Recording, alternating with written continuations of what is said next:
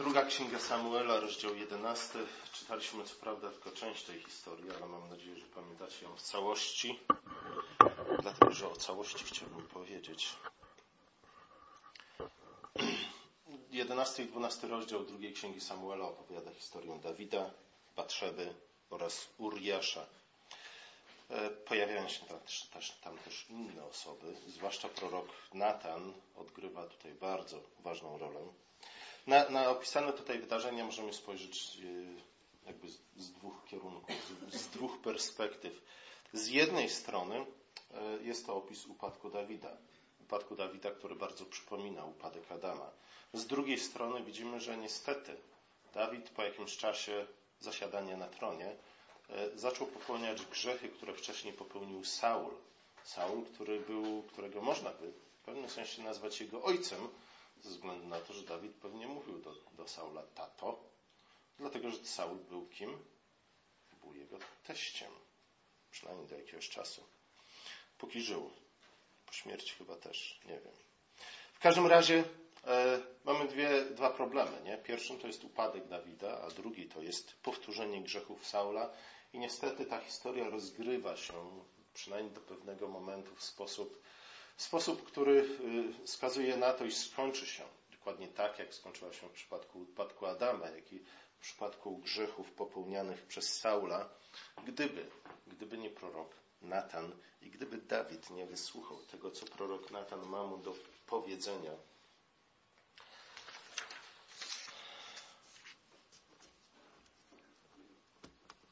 Historia rozgrywa się w czasie, kiedy Izrael toczy wojnę z Amonitami, jest początek roku, czyli wiosna według kalendarza żydowskiego, pierwszy miesiąc roku, kiedy także ma miejsce Pascha. Nowy początek, nowy rok, nowe nadzieje, ale to, co niesie z sobą ten nowy rok, e, niestety, przynajmniej na początku, nie wygląda zbyt dobrze. E, zwykle na początku roku oczekujemy tego, że nowy rok będzie lepszy niż poprzedni. Tutaj nowy rok rozpoczyna się w sposób bardzo, bardzo zły. Czytamy, że na początku roku zwykle królowie udawali się na wojny. E, przy czym w tekście hebrajskim, przynajmniej w jego tak zwanej masoreckiej wersji, czytamy nie o tym, że królowie udawali się na wojnę, ale że na początku roku posłańcy udawali się na wojny. E, rzeczywiście w pierwszej księdze królewskiej, gdzie ta historia jest opisana jeszcze raz, rzeczywiście czytamy o królach. Tutaj czytamy o posłańcach. Nie wiem, czy zwróciliście uwagę na to, e, jak bardzo często posłańcy pojawiają się w tym tekście. Posłańcy udają się tu, tam, w te i we w te. Nie wiem, czy wiecie, jak się pisze we w te. Ja też nie wiedziałem do wczoraj. W każdym razie posłańcy udają się w te i we w te, ale y, zobaczmy, że posłańcy tak naprawdę nie spełniają swoich zadań. Nie dlatego, że albo są posłani do tego, by y, przekazali wiadomości, albo też y, zrobili coś, czego nie powinni byli robić. Z drugiej strony często nie przekazują wiadomości w sposób taki, w jaki mieli e, przesłać te wiadomości. Posłańcy, zamiast być wykorzystani w dobrych celach, po to, aby umocnić królestwo, po to, aby ugruntować pokój i sprawiedliwość, niestety są uczestnikami w grzechu Dawida i w upadku Izraela do pewnego momentu, ze względu na to, że w którymś momencie Bóg posyła swojego posłańca, który jest, którym jest prorok Natan. I ten prorok jest prorokiem, który rzeczywiście jest gotów, jest na tyle odważny, żeby mówić królowi to, z czym Bóg go posłał. Niestety najczęściej prorocy, e, kapłani, ktokolwiek nie, jest posłany przez Boga do te, po to, aby napomnieć ludzi sprawujących władzę, e, zwykle nie przekazują tego poselstwa w należyty sposób, na to, że nie chcą się narazić tym, od których zależy ich życie, przynajmniej w sposób bezpośredni. Czytamy o tym, że Dawid pozostał, pozostał w domu, a wysłał na wojnę Joaba. Nie? I w gruncie rzeczy nie ma w tym nic złego. Nie? Ze względu na to, że, że czasami kaznodziejowie omawiając ten tekst mówią, że to był, to był główny problem Dawida, to był jego główny grzech, że, że został w domu, nie? I, I, dlatego my, kiedy zostajemy, spędzamy za dużo czasu w domu, zaczynamy grzeszyć. Niekoniecznie tak jest. Samo pozostanie w domu nie było nic złym, zwłaszcza, że, że wcześniej Dawid posyłał już Joaba do tego, żeby walczył z tym czy z tamtym i ta sytuacja, nie, to pozostanie w domu nie, nie doprowadziło do niczego złego. Nie? Zostawanie w domu. Ta historia nie jest historią o lenistwie, tak jak często się ją przed, przed, przed, przedstawia. E, Dawid zostawał wcześniej w domu, posłał kogoś innego, Joaba zazwyczaj, żeby prowadził tę czy tamtą bitwę. E, nie było w tym nic złego. Problem, problem problemem było nie, nie tyle to, gdzie Dawid przebywał, co raczej stan jego ducha. Nie? Stan jego ducha doprowadził go do tego wszystkiego, co uczynił, a nie miejsce, gdzie przebywał. Zgadza się, są miejsca, których może jako chrześcijanie powinniśmy raczej unikać, nie?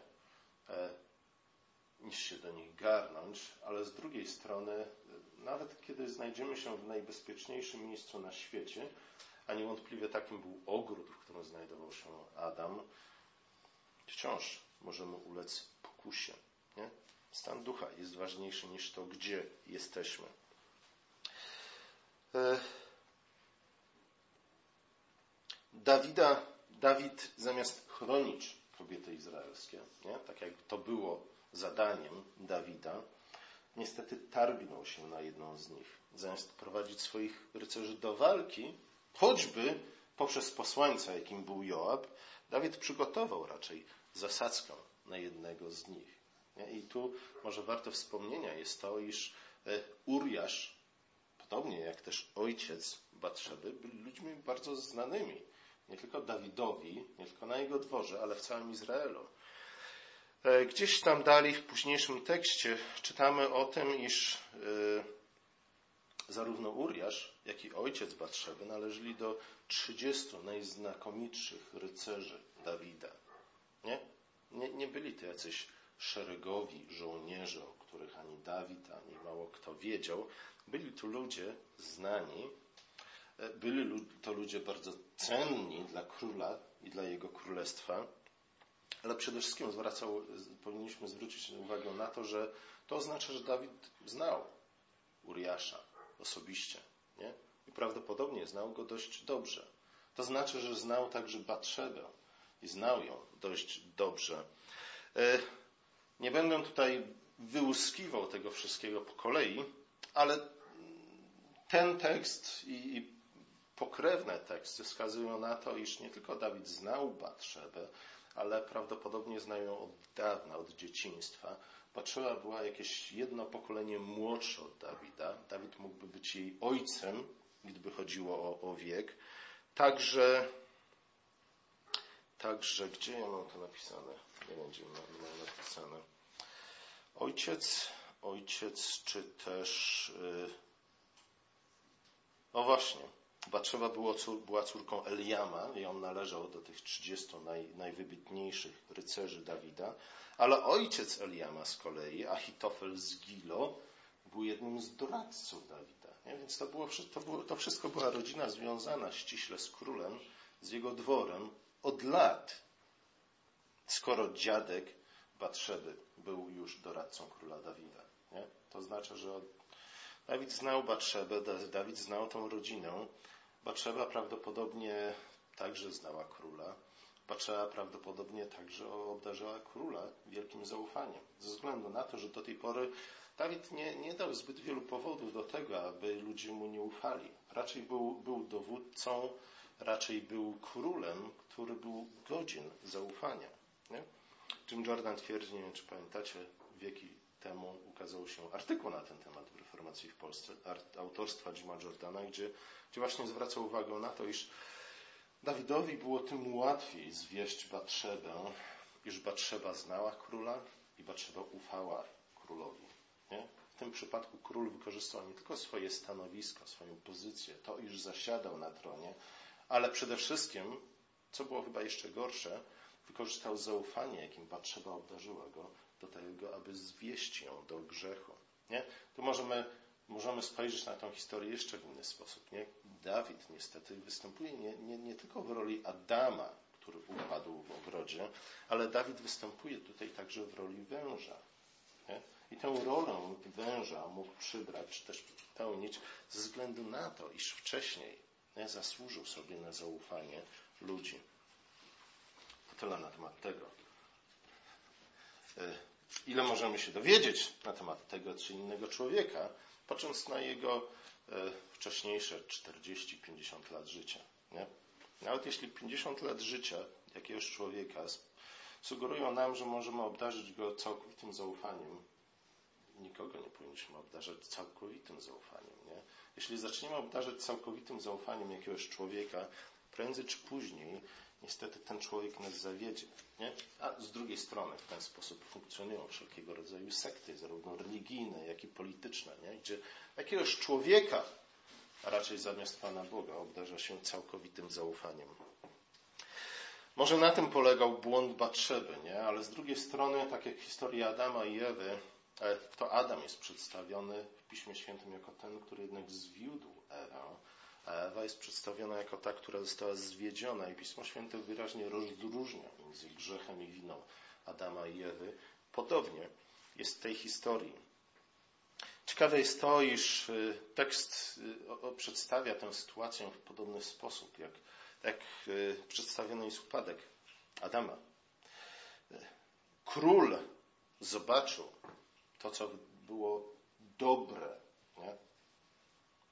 Piękne, mówi nasze tłumaczenie, e, ale, ale to hebrajskie słowo możemy tłumaczyć także jako dobre. Bóg zobaczył to, co było dobre, nie? dobrze wyglądającą kobietę. I kiedy zobaczył to coś dobrego, wziął to. Nie? Tak jak Adam zerwał owoc z zakazanego drzewa, tak, tak y, Dawid zerwał ten owoc, wziął go do swojego domu. E, kiedy Dawid dowiedział się, że Batrzeba zasła w ciążę, przywołał Uriasza z frontu. Nie? Toczy się bitwa, Uriasz jest jednym z najważniejszych rycerzy, nie? a Dawid go jednak odrywa od tego zadania, e, ze względu na to, że chce, co? Chce ukryć swój własny grzech. Uriasz nie był Hebrajczykiem z dziada pradziada. Uriasz był konwertytą. E, Uriasz był poganinem, który uwierzył, nawrócił się, uwierzył w prawdziwego Boga. Uriasz okazuje się, przynajmniej w tym przypadku, e, wykazuje się o wiele większą gorliwością dla Pana niż król Dawid. Ta historia burzy nie? te przekonanie dość powszechne, że, że e, należy nam się coś, choćby tylko i wyłącznie ze względu na nasze przeszłe zasługi. Nie?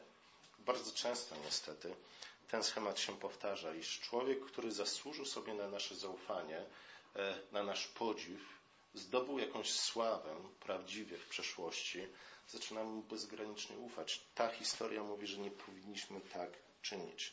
Uriasz, choć był konwertytą, okazał większą gorliwość dla Pana niż Dawid, który przez ponad 40 lat, niemalże 50 lat, wykazywał się wielką gorliwością dla Pana i wiernością dla Pana.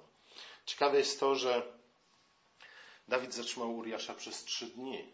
Nie? Te trzy dni też nie są tutaj przypadkowe, wydaje mi się, ze względu na to, że, że te trzy dni też prowadzą do jakiejś śmierci i to nie jednej, prowadzą też do zmartwychwstania, w zasadzie prowadzą do dwóch zmartwychwstań.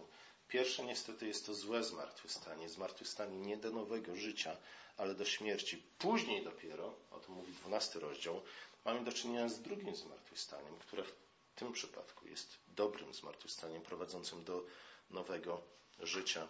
Najpierw oczywiście Dawid chciał, żeby Uriasz poszedł do swojej żony, porzucił się z nią do łóżka, żeby wyglądało na to, iż dziecko, które się urodzi, jest żoną, jest dzieckiem Uriasza, a nie, nie Dawida. Niestety, niestety, Uriasz okazał się być człowiekiem trochę innego pokroju niż Dawid na to liczył, dlatego że Uriasz powiedział Dawidzie, królu, e, jestem na wojnie. To oznacza, że obowiązują mnie śluby związane ze świętą wojną. E, wszyscy żołnierze, którzy byli powołani na wojnę w tamtych czasach, przyjmowali śluby podobne do ślubów nazyryjskich. Nie? Oznaczało to, iż nie wolno im było pić alkoholu, nie wolno im było obcować z kobietami. Nie? I Uriasz mówi, generalnie rzecz biorąc, wciąż się znajdujemy na wojnie i chcę wrócić na front najszybciej jak się da, ze względu na to, że no, ta bitwa jest bardzo ważna. Nie? Walczymy z Amalekitami. Z, musimy tę bitwę wygrać, jeśli mamy się cieszyć pokojem. Pokonaliśmy Filistyńczyków, teraz musimy pokonać Amalekitów. I Uriasz mówi, złożyłem śluby czystości nie? jako żołnierz. Nie mogę ich złamać, choćby ze względu na wierność Bogu, ale też na wierność, czy też lojalność w stosunku do tych, którzy pozostali na, na froncie. I Uriasz odmówił pójścia do domu, spał na dworze, podobnie jak spali żołnierze na froncie. To niestety nie tylko zdenerwowało króla, ale także pokrzyżowało jego plany, a także przypieczętowało wyrok śmierci na samym Uriaszu. Nie? To tyle na temat tego. E, jaka przyszłość nas czeka, jeśli dochowamy wierności Panu Bogu? Nie? Pismo Święte mówi, że zwykle tak ludzie kończą. Ci, którzy grają fair play, ci, którzy trzymają się zasad gry, a zwłaszcza ci, którzy do, do, do co? Dochowują wierności Panu Bogu. Kończą tak jak Uriasz zazwyczaj. Nie? To jest dość powszechny schemat, który znajdujemy w Piśmie Świętym. E, Niektórzy komentatorzy twierdzą, iż, iż Uriasz domyślał się tego, co się święci. Nie? Wskazują na to słowa, jaki, jakimi odpowiada Uriasz Dawidowi. Uriasz zaczyna e, dość niebezpieczną grę, którą niestety koniec końców przegrywa. Uriasz na końcu zaklina się na swoje własne życie, na życie króla, E, mówiąc, że nie uczyni tego, czego król od niego się domaga. Nie? Może w tym była ukryta jakaś groźba, może tylko i wyłącznie przestroga. Uriasz nie odkrył wszystkich kart, wygląda jednak na to, iż wiedział, co się święci. Kiedy te, te wszelkie próby zmanipulowania Uriaszem, aby złamał zasady świętej wojny, spełzły na niczym, Dawid powziął drugi plan. Miał o wiele gorszy, o wiele bardziej nikczemny plan, E, który miał prowadzić do zatuszowania grzechu poprzez uśmiercenie Uriasza. E, co król chciał osiągnąć, zabijając Uriasza? Jak widzimy, widzimy później, że plan tak czy inaczej wychodzi na jaw. Zresztą to, w jaki sposób Dawid to rozegrał, wskazuje na to, iż przestał, przestał myśleć jasno i rozsądnie. Zwykle niestety tak jest, że ci, którzy popełniają grzechy, ci, którzy popełniają jakieś przestępstwa, wpadają poprzez błędy popełnione. Nie? To, to z kolei sugeruje, i wydaje mi się, że ta historia też popiera tę tezę, iż niestety y, grzech dotyczy nie tylko naszej moralności, ale grzech dotyczy również naszych zdolności zdrowego myślenia nie? jasnego myślenia, jasnego rozumowania. Grzech sprawia, że stajemy się lekkomyślni, grzech sprawia, że e, przestajemy jasno myśleć. Nie? Można było wiele mówić na temat tego, dlaczego jest tak, a nie inaczej. Myślę, że jednym z powodów jest to, iż grzech, natura grzechu, grzech ma naturę pasożytniczą. Nie? Grzech zawsze musi żerować na tym, co dobre. Jeśli grzeszymy, coraz mniej jest tego, co dobre w naszym życiu, nie? a jasne rozumowanie jest jedną z tych dobrych rzeczy, rozum jest jedną z tych dobrych rzeczy, które Bóg nam dał. W każdym razie Dawid zaczyna się zachowywać tak, jakby postradał zmysły.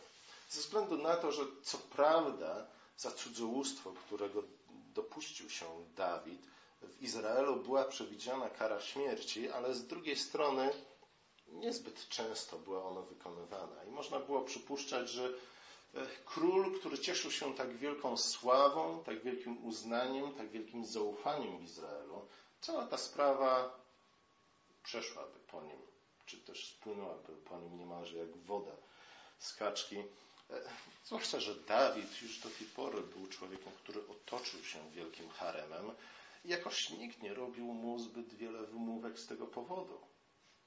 Nie? Dawid popełnia jeden z tych królów, przed którymi przestrzegał. Pan Bóg już w Księdze Powtórzonego Prawa mówi, słuchajcie, są trzy rzeczy, trzy rodzaje grzechów, które królowie będą popełniać. Niestety tak będzie i musicie się na to przygotować. Po pierwsze, zaczną sobie mnożyć konie, rumaki wojenne, licząc, myśląc, że, że ich powodzenie zależy od tego, jak wielka, jak silna jest ich armia. Zaczną polegać bardziej na własnej sile niż na mojej sile. Drugi grzech to będzie mnożenie sobie żon. I rzeczywiście widzimy, że to Dawid bardziej niż Saul był winny tego, tego grzechu, nie? A, a Salomon niestety, grzech Salomona, Salomona był jeszcze większy niż grzech ojca. Salomon, Salomon ponadto popadł w trzeci grzech, przed którym ostrzegał Bóg królów, a mianowicie mnożenie sobie złota. Pamiętacie, pamiętacie, że liczba 666 bierze się właśnie z historii Salomona, gdzie czytamy, że, że któregoś tam roku Salomon zebrał w daninach 666 talentów złota. I tekst nie przedstawia tego jako coś godnego pochwały, ale raczej jako właśnie przykład tego, że e, Salomon e, dopuścił się tego trzeciego grzechu, przed którym przestrzegał Bóg królów. W każdym razie Dawid mimo wszystko postanowi zabić Uriasza, czy też doprowadzić do jego śmierci. Krew Uriasza spada na, na głowę e, Dawida, ale robi to w sposób strasznie nieudolny. Nie? Po pierwsze widać, że Uriasz sam zaczyna się domyślać, o co chodzi. Po drugie Dawid wysyła Joabowi list z poleceniem uśmiercenia Uriasza. W tym przypadku posłańcem jest kto? Sam Uriasz. Nie? Uriasz, Dawid może posłużyć się Uriaszem jako posłańcem, który zanosi Joabowi wyrak na samego siebie, tylko i wyłącznie dlatego, że Uriasz jest człowiekiem wiernym i lojalnym i pobożnym. Nie? Zobaczcie, po raz kolejny pobożność Uriasza doprowadziła do jego śmierci. Gdyby Uriasz był trochę większym cwaniakiem, co by zrobił? Tworzyłby ten list i go przeczytał. Nie? Widzimy, jak bardzo Dawid jest lekkomyślny z jednej strony, ale z drugiej strony, jak, jak bardzo plany Dawida zależą od czego? Od tego człowieka, od pobożności człowieka, który Dawid próbuje zniszczyć. Nie? To, to kolejny dowód na to, że, że zło może istnieć i funkcjonować tylko i wyłącznie ze względu na, na to, że jest dobro. Nie? Źli ludzie mogą rabować dobrych, nie? dlatego że oni są dobrzy. Źli dyktatorzy Wszyscy dyktatorzy są źli. Źli dyktatorzy mogą funkcjonować tylko dlatego, że ludzie, w ludziach wciąż pozostają jakieś zdrowe, dobre odruchy. W każdym razie Joab, przeczytając, przeczytawszy ten list, uznał, że, że królowi się w głowie pomieszało. Nie dość, że zgrzeszył, nie dość, że chce pozbyć się jednego ze swoich 30 najlepszych rycerzy, ale też plan, jaki Dawid y, zaproponował, był nierozsądny. Joab poprawia ten plan wysyła Uriasza wraz z innymi żołnierzami, żeby zaatakować e, miasto Rabba, amalekickie miasto Abba. E, w wyniku tego ginie nie tylko Uriasz, ale także wiele innych osób, wielu innych ludzi, cennych, dobrych ludzi. Nie? Zwykle tak jest, że kiedy próbujemy zatoszować nasz grzech, e, tylko pomnażamy ten grzech. Każda próba tuszowania grzechu pomnaża grzech i pomnaża zło. Grzesznicy są nie tylko niemoralni, ale także są po prostu głupi. E, jak śpiewaliśmy w psalmie 14. Zgadza się? Po śmierci Uriasza Joab posyła e, kolejnego posłańca, przygotowuje go, informuje go i mówi, słuchaj, e, kiedy pójdziesz do króla, masz z nim rozmawiać tak i tak. Nie? Najprawdopodobniej król, kiedy usłyszy o tym, że przy obleżeniu Raba zginęło tylu i tylu jego żołnierzy, będzie rozgniewany. Ale ty, żeby uspokoić króla i jego nerwy, powiesz mu, ale królu, mam dla ciebie także dobrą wiadomość, ponieważ między tymi, którzy zginęli, był również Uriasz, jeden z 30 twoich najlepszych rycerzy. Nie? Totalny absurd ze względu na to, że to powinno króla jeszcze bardziej rozsierdzić. E, świadczy to to, w jaki sposób Joab przygotował tego posłańca, a także to, iż posłaniec zrozumiał swoją rolę w tym wszystkim i dlaczego tak, a nie inaczej ma przedstawić y, wydarzenia, świadczy to wszystko o tym, że tajemnica, nie? próba zatuszowania grzechu, jaki popełnił Dawid, przestała już być tajemnicą. Nie? Plotki o tym zaczęły, zaczęły zataczać coraz szersze kręgi. Coraz więcej ludzi wiedziało, czy też domyślało się, co się wydarzyło w Jerozolimie i jakie skutki, jakie wydarzenia skutkowały z tego jednego upadku Dawida. Coraz więcej ludzi wie, coraz więcej ludzi się domyśla, o co chodzi Im bardziej Dawid próbuje zatuszować swój grzech, coraz bardziej jawny się on staje. Nie? Jezus mówi o tym. Nic, co wydarzyło się w czym? W tajemnicy nie pozostanie w niej na zawsze, ale zostanie ujawnione, wyciągnięte na światło dnia. Ja, rozmawiając z posłańcem, e, przyrównuje Uriasza do Abimeleka, syna Gedeona. Pamiętacie tę historię? Abimelek, e, syn Gedeona, chciał zostać królem, podniósł więc rękę na swoich pobrateńców i zginął. Zginął w oblężeniu miasta, które chyba się nazywało Tebes, e, ze względu, kiedy, kiedy kamień z żarem, który jakaś bezimienna kobieta zabrała z sobą, uciekając na wieżę, w której chciała się ukryć, wypadł jej z rąk, spadł na głowę Abimeleka, roztrzaskał mu łeb. Abimelek umarł ze względu na to, że podniósł rękę na swoich pobrateńców, na swoich współbraci nie? i zginął z powodu kobiety. E, Joab więc wydaje się w sposób nieco zawoalowany, nie wprost, niemniej jednak e, tak naprawdę próbuje przestrzec Dawida. Nie? To Dawid jest jak Abimelek, podniósł rękę na swoich pobrateńców e, i zginie z powodu kobiety. Dawid jednak nie zrozumiał nie? także tej aluzji uczynionej przez Abimeleka i tkwi, tkwi w, całkowitym, w całkowitej ułudzie, w, za, w samozakłamaniu. Nie? E, przecząc przed sobą samą, że cokolwiek złego się wydarzyło, a także e, licząc na to, wbrew wszystkim dowodom, że jednak jego tajemnica jest pilnie strzeżona. Odpowiedź Dawida udzielona e, poprzez posłańca Joabowi powinna zmrużyć krew w naszych żyłach, dlatego że pokazuje, jak bardzo upadł król w tym momencie. Dawid z jednej strony e, wydaje się mówić rozsądnie. Ten, który był na wielu wojnach, mówi, no cóż, nie, na wojnach ludzie giną. Zgadza się? Ale z drugiej strony wiemy, dlaczego Uriasz zginął. Wiemy, kto stał za jego śmiercią. Dawid uznał, że śmierć Uriasza, że, że za śmierć Uriasza warto było poświęcić życie innych jego wyborowych żołnierzy. Nie? Dawid zaczyna po raz kolejny widzimy głupotę Dawida, wywołaną jego grzechem. Nie? Dawid, y, Dawid zaczyna zachowywać się w sposób, który nie tylko zaczyna zagrażać jego własnemu życiu, jego osobistej relacji z Jezusem, ale także zaczyna zagrażać całemu królestwu. Nie? On jest królem. To, co on czyni, pamiętacie, co mówiłem tydzień temu? Dawid został królem. Przymierze, które Bóg zawarł, zawarł z Dawidem, sprawiło, że to poprzez Dawida, poprzez jego osobę, jego potomków, poprzez linię Dawida, Bóg miał spełnić obietnice dane Abrahamowi.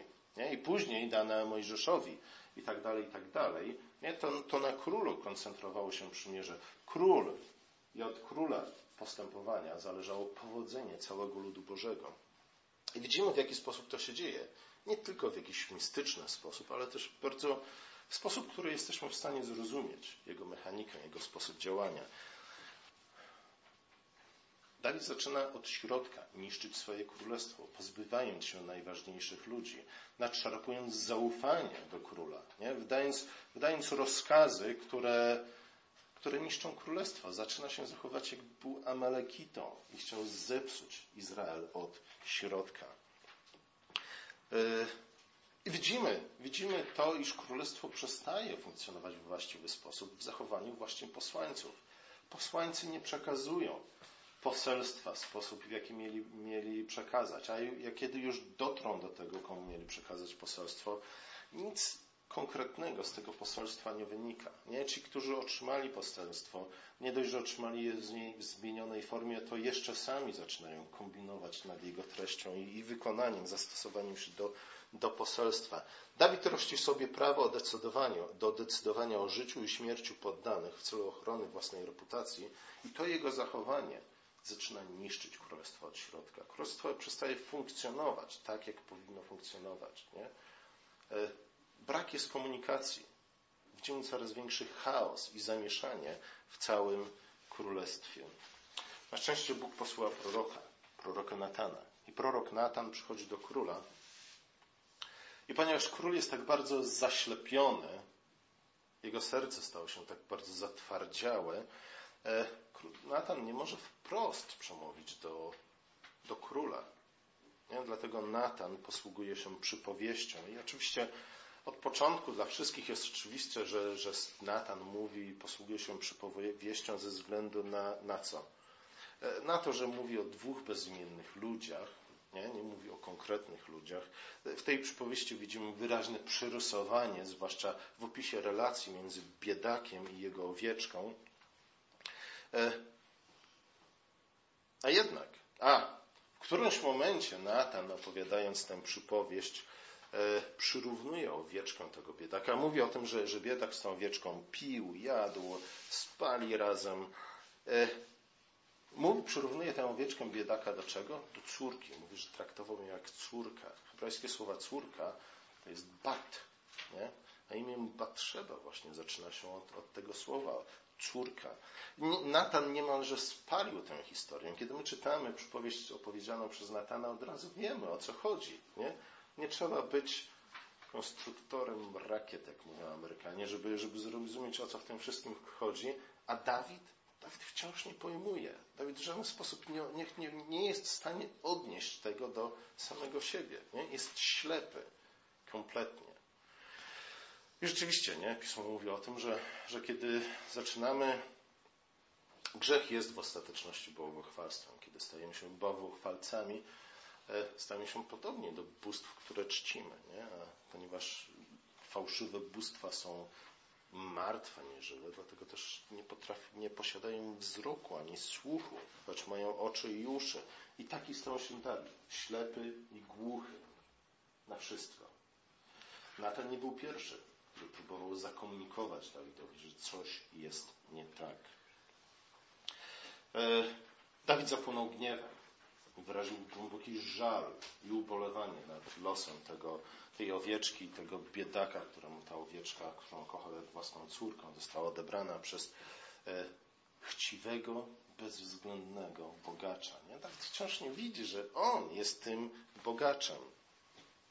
Dawid mówi, że to była tak straszna zbrodnia, iż należy się poczwórna kara. Nie? Zabrał jedną owieczkę, musiał oddać cztery owieczki. I rzeczywiście, rzeczywiście w niektórych przypadkach e, prawo mojżeszowe przewidywało nie? taką poczwórną karę za, za kradzież albo za grabież. E, nie wiem, osądźcie to sami. Dawid po tej historii stracił czterech synów. Nie? Może rzeczywiście to była kara i o tym, i, i wydając wyrok na tego, bieda, na tego bogacza z przypowieści Natana, król rzeczywiście wydał wyrok na samego siebie.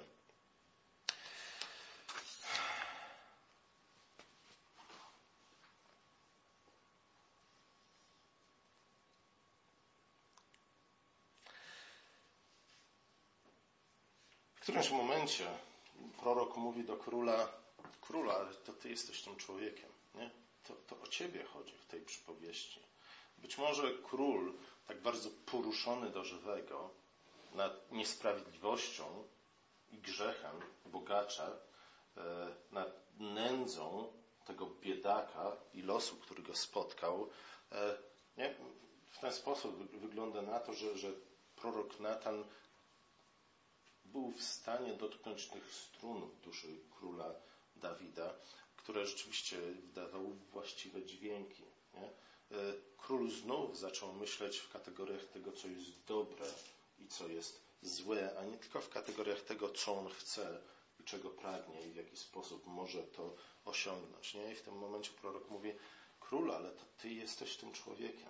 Nie? I w końcu dotarło to do Dawida. W końcu Dawid rzeczywiście stwierdził, tak, nie? ja jestem tym człowiekiem. Pokutował, nawrócił się, wyznał swoje grzechy i w ten sposób uratował nie tylko sam siebie, swoją własną duszę, ale także swoje królestwo.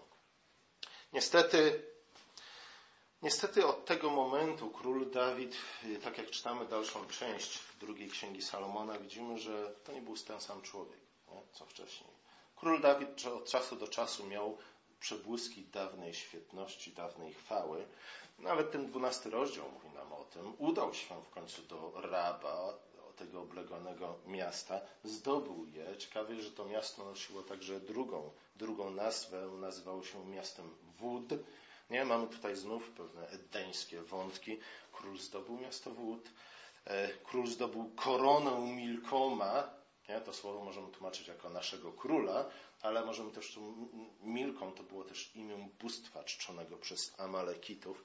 Ta korona ważyła około 30-35 kg. Nie? Była złotą koroną, którą król, król włożył sobie na głowę. Nie? To wcale nie znaczy, że został wyznawcą Milkoma, ale to znaczy, że pokonał obcych, obce królestwa, obce bóstwa. Nie? Król stał się królem noszącym wiele koron, a więc królem królów, panem panów w ten sposób. Nie? Widzimy w tym przebłysk tej dawnej chwały Dawida, ale niestety tych przebłysków w, dawnej, w dalszej historii nie ma zbyt wiele. Mówimy o tym, że mamy dwie, dwa zmartwychwstania. I rzeczywiście dwunasty rozdział mówi o tym drugim zmartwychwstaniu.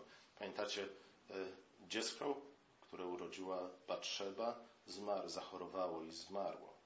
Nie? I, I tekst wyraźnie mówi o tym, iż śmierć tego dziecka było, była konsekwencją grzechu Dawida. E, ale 12 e, rozdział 2 Samuela przedstawia też śmierć tego dziecka jako kategorię śmierci zastępczej. Nie? Rzeczywiście ta, dziecko umarło ze względu na grzechy swojego ojca, ale w ten sposób grzechy ojca zostały w pewien sposób odkupione. Nie? Później narodził się Salomon. Nie? To, to narodziny Salomona. Salomon został dany Batrzebie i Dawidowi już w legalnym związku, już y, jako w zastępstwie tego pierwszego zmarłego chłopca. Nie? Więc to jest to drugie zmartwychwstanie. Zmartwychwstanie prawdziwe, zmartwychwstanie ku życiu. Salomon jest nazwany e, od samego początku, oczywiście Salomon, co ja mówię, Samuel. Salomon, dobrze mówię. Salomon zostaje nazwany nasz pokój. Nie? Jest tym, który przynosi pokój. Rzeczywiście Salomon był królem, który dał Izraelowi pokój. W czasach Salomona nie było zbyt wielu, zbyt wielu wojen. Salomon zbudował świątynię, ale Salomon otrzymał także drugie imię. Jeddiasz, co po polsku oznacza Bogumił. Miło mi. Umiłowany przez Pana. Teofil po hebrajsku, po, po grecku. Nie? Oznacza to, iż od samego początku Pan Bóg chciał, żeby to właśnie Salomon nie? Jedidiasz, Bogumił, był tym następcą króla, kolejnym królem, żeby to przez niego e, została przekazana następnym pokoleniom obietnica dana Bogu przez Boga Dawidowi, a wcześniej Abrahamowi. To wyjaśnia, dlaczego zarówno Batrzeba, jak i sam prorok Natan zabiegali o koronację Salomona. Nie? Zrozumieli tę, tę wyraźną aluzję, którą Bóg uczynił, kiedy nadał Salomonowi to drugie imię, Jedidiasz. E, dalsza, dalszą księgę Samuela, drugiej, dalszą część drugiej księgi Samuela możemy w zasadzie postrzegać właśnie jako, jako historię Salomona w gruncie rzeczy. Nie? Dawid staje się coraz mniej ważny, e, Dawid e, czyni coraz mniej dobra tak naprawdę w życiu Izraela. Później widzimy rozgrywkę między dwoma synami Dawida. Obaj w swoich imieniach mają imię pokój. Jednym jest Salomon oczywiście, a drugim jest Absalom. E, jeden z nich okazuje się prawdziwym pokojem, drugi z nich e, niestety, nie? Jakby to powiedzieć? Jeden z nich jest tą dobrą, jasną stroną Dawida, nie? przynajmniej do jakiegoś czasu, Salomon. Drugi jest ten, można by było powiedzieć, jest wcieleniem tej ciemnej strony Dawida. Nie? Absalom popełnia grzechy, które popełnił Dawid. Absalom popełnia grzechy, które są o wiele gorsze niż grzechy Dawida. Absalom jest tym, tym, poprzez którego na Dawida spadają następne, kolejne konsekwencje jego grzechu z Batrzebą. Nie? Jest tym, który zabiera królowi tron i królowanie na jakiś czas przynajmniej. Absalom jest tym, który zabiera swojemu ojcu, królowi Dawidowi, jego harem jego wszystkie żony i wszystkie jego nałożnice. Nie? Tak jak Dawid zabrał Uriaszowi jego żoną Batrzabę. Całe szczęście Absalom umiera. Nie? Zobaczmy. Absalom umiera. Absalom do pewnego momentu przez jakiś czas jest bardzo, osiąga wiele sukcesów. Nie? Jest bardzo zwycięski. Można było powiedzieć, po co by nie sięgnął, to ma. Wszystkie pragnienia jego serca, grzeszne, złe pragnienia serca są zaspokojone. I w którymś momencie może, może się wydawać, że rzeczywiście to już jest koniec Królestwa Izraela. Nie? Ono jednak przetrwało jeszcze przez grubo ponad 300 lat, co prawda podzielone i tak dalej, niemniej jednak przetrwało. E, w czasach króla Salomona nie, osiągnęła jeszcze większą świetność niż w czasach króla, króla Dawida. Nie? Do jakiegoś czasu wydaje się, że, że to Absalom, ta, ten, ta wcielenie tej złej, ciemnej strony duszy Dawida, mrocznej strony duszy Dawida, e, odniesie sukces, zwycięży w historii. Tak się jednak nie dzieje. Ostatecznie zwycięstwem okazuje się Salomon, nie? ten, który jest prawdziwym księciem pokoju. Nie? I wydaje mi się, że, że w tej historii, w tym porównaniu Salomona i Absaloma z drugiej strony widzimy y, też, jak to mniej więcej wygląda w historii świata, nie? w historii nas wszystkich. Do jakiegoś czasu często wydaje się, że to właśnie ta ciemna strona ludzkości, y, to Absalomowie są górą i zwyciężają. Nie? Tak jak do jakiegoś czasu Dawid w swoim grzechu i głupocie był w stanie rzeczywiście realizować swój plan i do jakiegoś stopnia zatuszować swój grzech. W ostateczności jednak, nie? ale ta ostateczność, ten ostateczny rozrachunek przychodzi poprzez interwencję Boga. Nie? Gdyby prorok Natan nie przyszedł, nie rozmawiał z królem tak, jak rozmawiał, nie? ciemna strona Dawida by zwyciężyła, tak jak Absalom by został królem na wieki. Jednak poprzez interwencję Boga, nie? I Salomon jest wyraźnie pokazany jako ten, który, który jest zmartwychwstałym tym pierwszym synem Batrzeba. Oczywiście w cudzysłowie, nie dosłownie. Nie? Salomon jest w stanie wygrać. Chociaż nie był tak skutecznym wojownikiem i dowódcą jak Absalom, chociaż nie był tak skuteczny w knuciu różnego rodzaju spisków i podstępów jak Absalom, nie? I można by się, można, mogłoby się wydawać, że właśnie Salomon ze względu na to, że jest człowiekiem dobrym i wiernym Bogu, stoi na z góry przegranej pozycji ze względu na to, że, nie, tak jak mówiłem wcześniej, to Uriasz był takim człowiekiem i przegrał. Nie? Mogłoby się wydawać, no Salomon, nie? brakuje mu bezwzględności Absaloma, żeby zasiadł w końcu na tronie. A jednak zasiadł, ale zasiadł dzięki interwencji Pana Boga. Z powodu grzechu Dawida królestwo zaczęło chwiać się w podstawach. Król jednak pokutował za swój grzech, nie? inaczej niż Saul wcześniej. A tej, i, i, i dzięki zastępczej, moglibyśmy powiedzieć, śmierci i zmartwychwstaniu swojego syna, nie? wątek, który oczywiście później pojawia się w historii Chrystusa, został oszczędzony. Nie? Bóg go uratował, Bóg zbawił nie tylko króla, ale także całe królestwo. Zaś zdobycie tego amalekickiego miasta, Raba, miasta wód, niosło nadzieję, że, że Dawid znów stanie się wielkim wojownikiem, takim jakim był poprzednio. Niestety tak się nie stało. Nie? E, ale w jakimś sensie w osobie Salomona, w osobie jego, jego syna, następcy, rzeczywiście królestwo osiągnęło jeszcze większy stopień rozwoju, chwały, sławy, pokoju, dostatku, niż kiedykolwiek cieszyło się w czasach Dawida. Pomódlmy się. Nasz drogi Ojcze, dziękujemy Ci za tę historię. Prosimy Cię o to, abyśmy byli raczej tacy jak Uriasz i tacy jak Salomon, przynajmniej na początku swojego panowania. Abyśmy byli tacy jak Dawid, e, zanim jego serce odstąpiło od Ciebie. Prosimy Cię, Ojcze, e, dopomóż nam dochować wierności Tobie we wszystkim, co czynimy, nawet jeśli to nie przekłada się na bezpośrednie korzyści w żadnym stopniu. Prosimy Cię o to, abyśmy dochowali wiary, zwłaszcza w takich sytuacjach, kiedy jest ona poddawana próbie. I prosimy Cię, abyśmy byli podobni do Uriasza także w tym, że będziemy gotowi oddać nasze życie za Twoje królestwo, za, za Twoją Ewangelię, niż e, stali się podobni, a nie stali się podobni do Dawida, który po to, aby zaspokoić swoje grzeszne pragnienia i pożądania, był gotów rozpętać piekło na ziemi.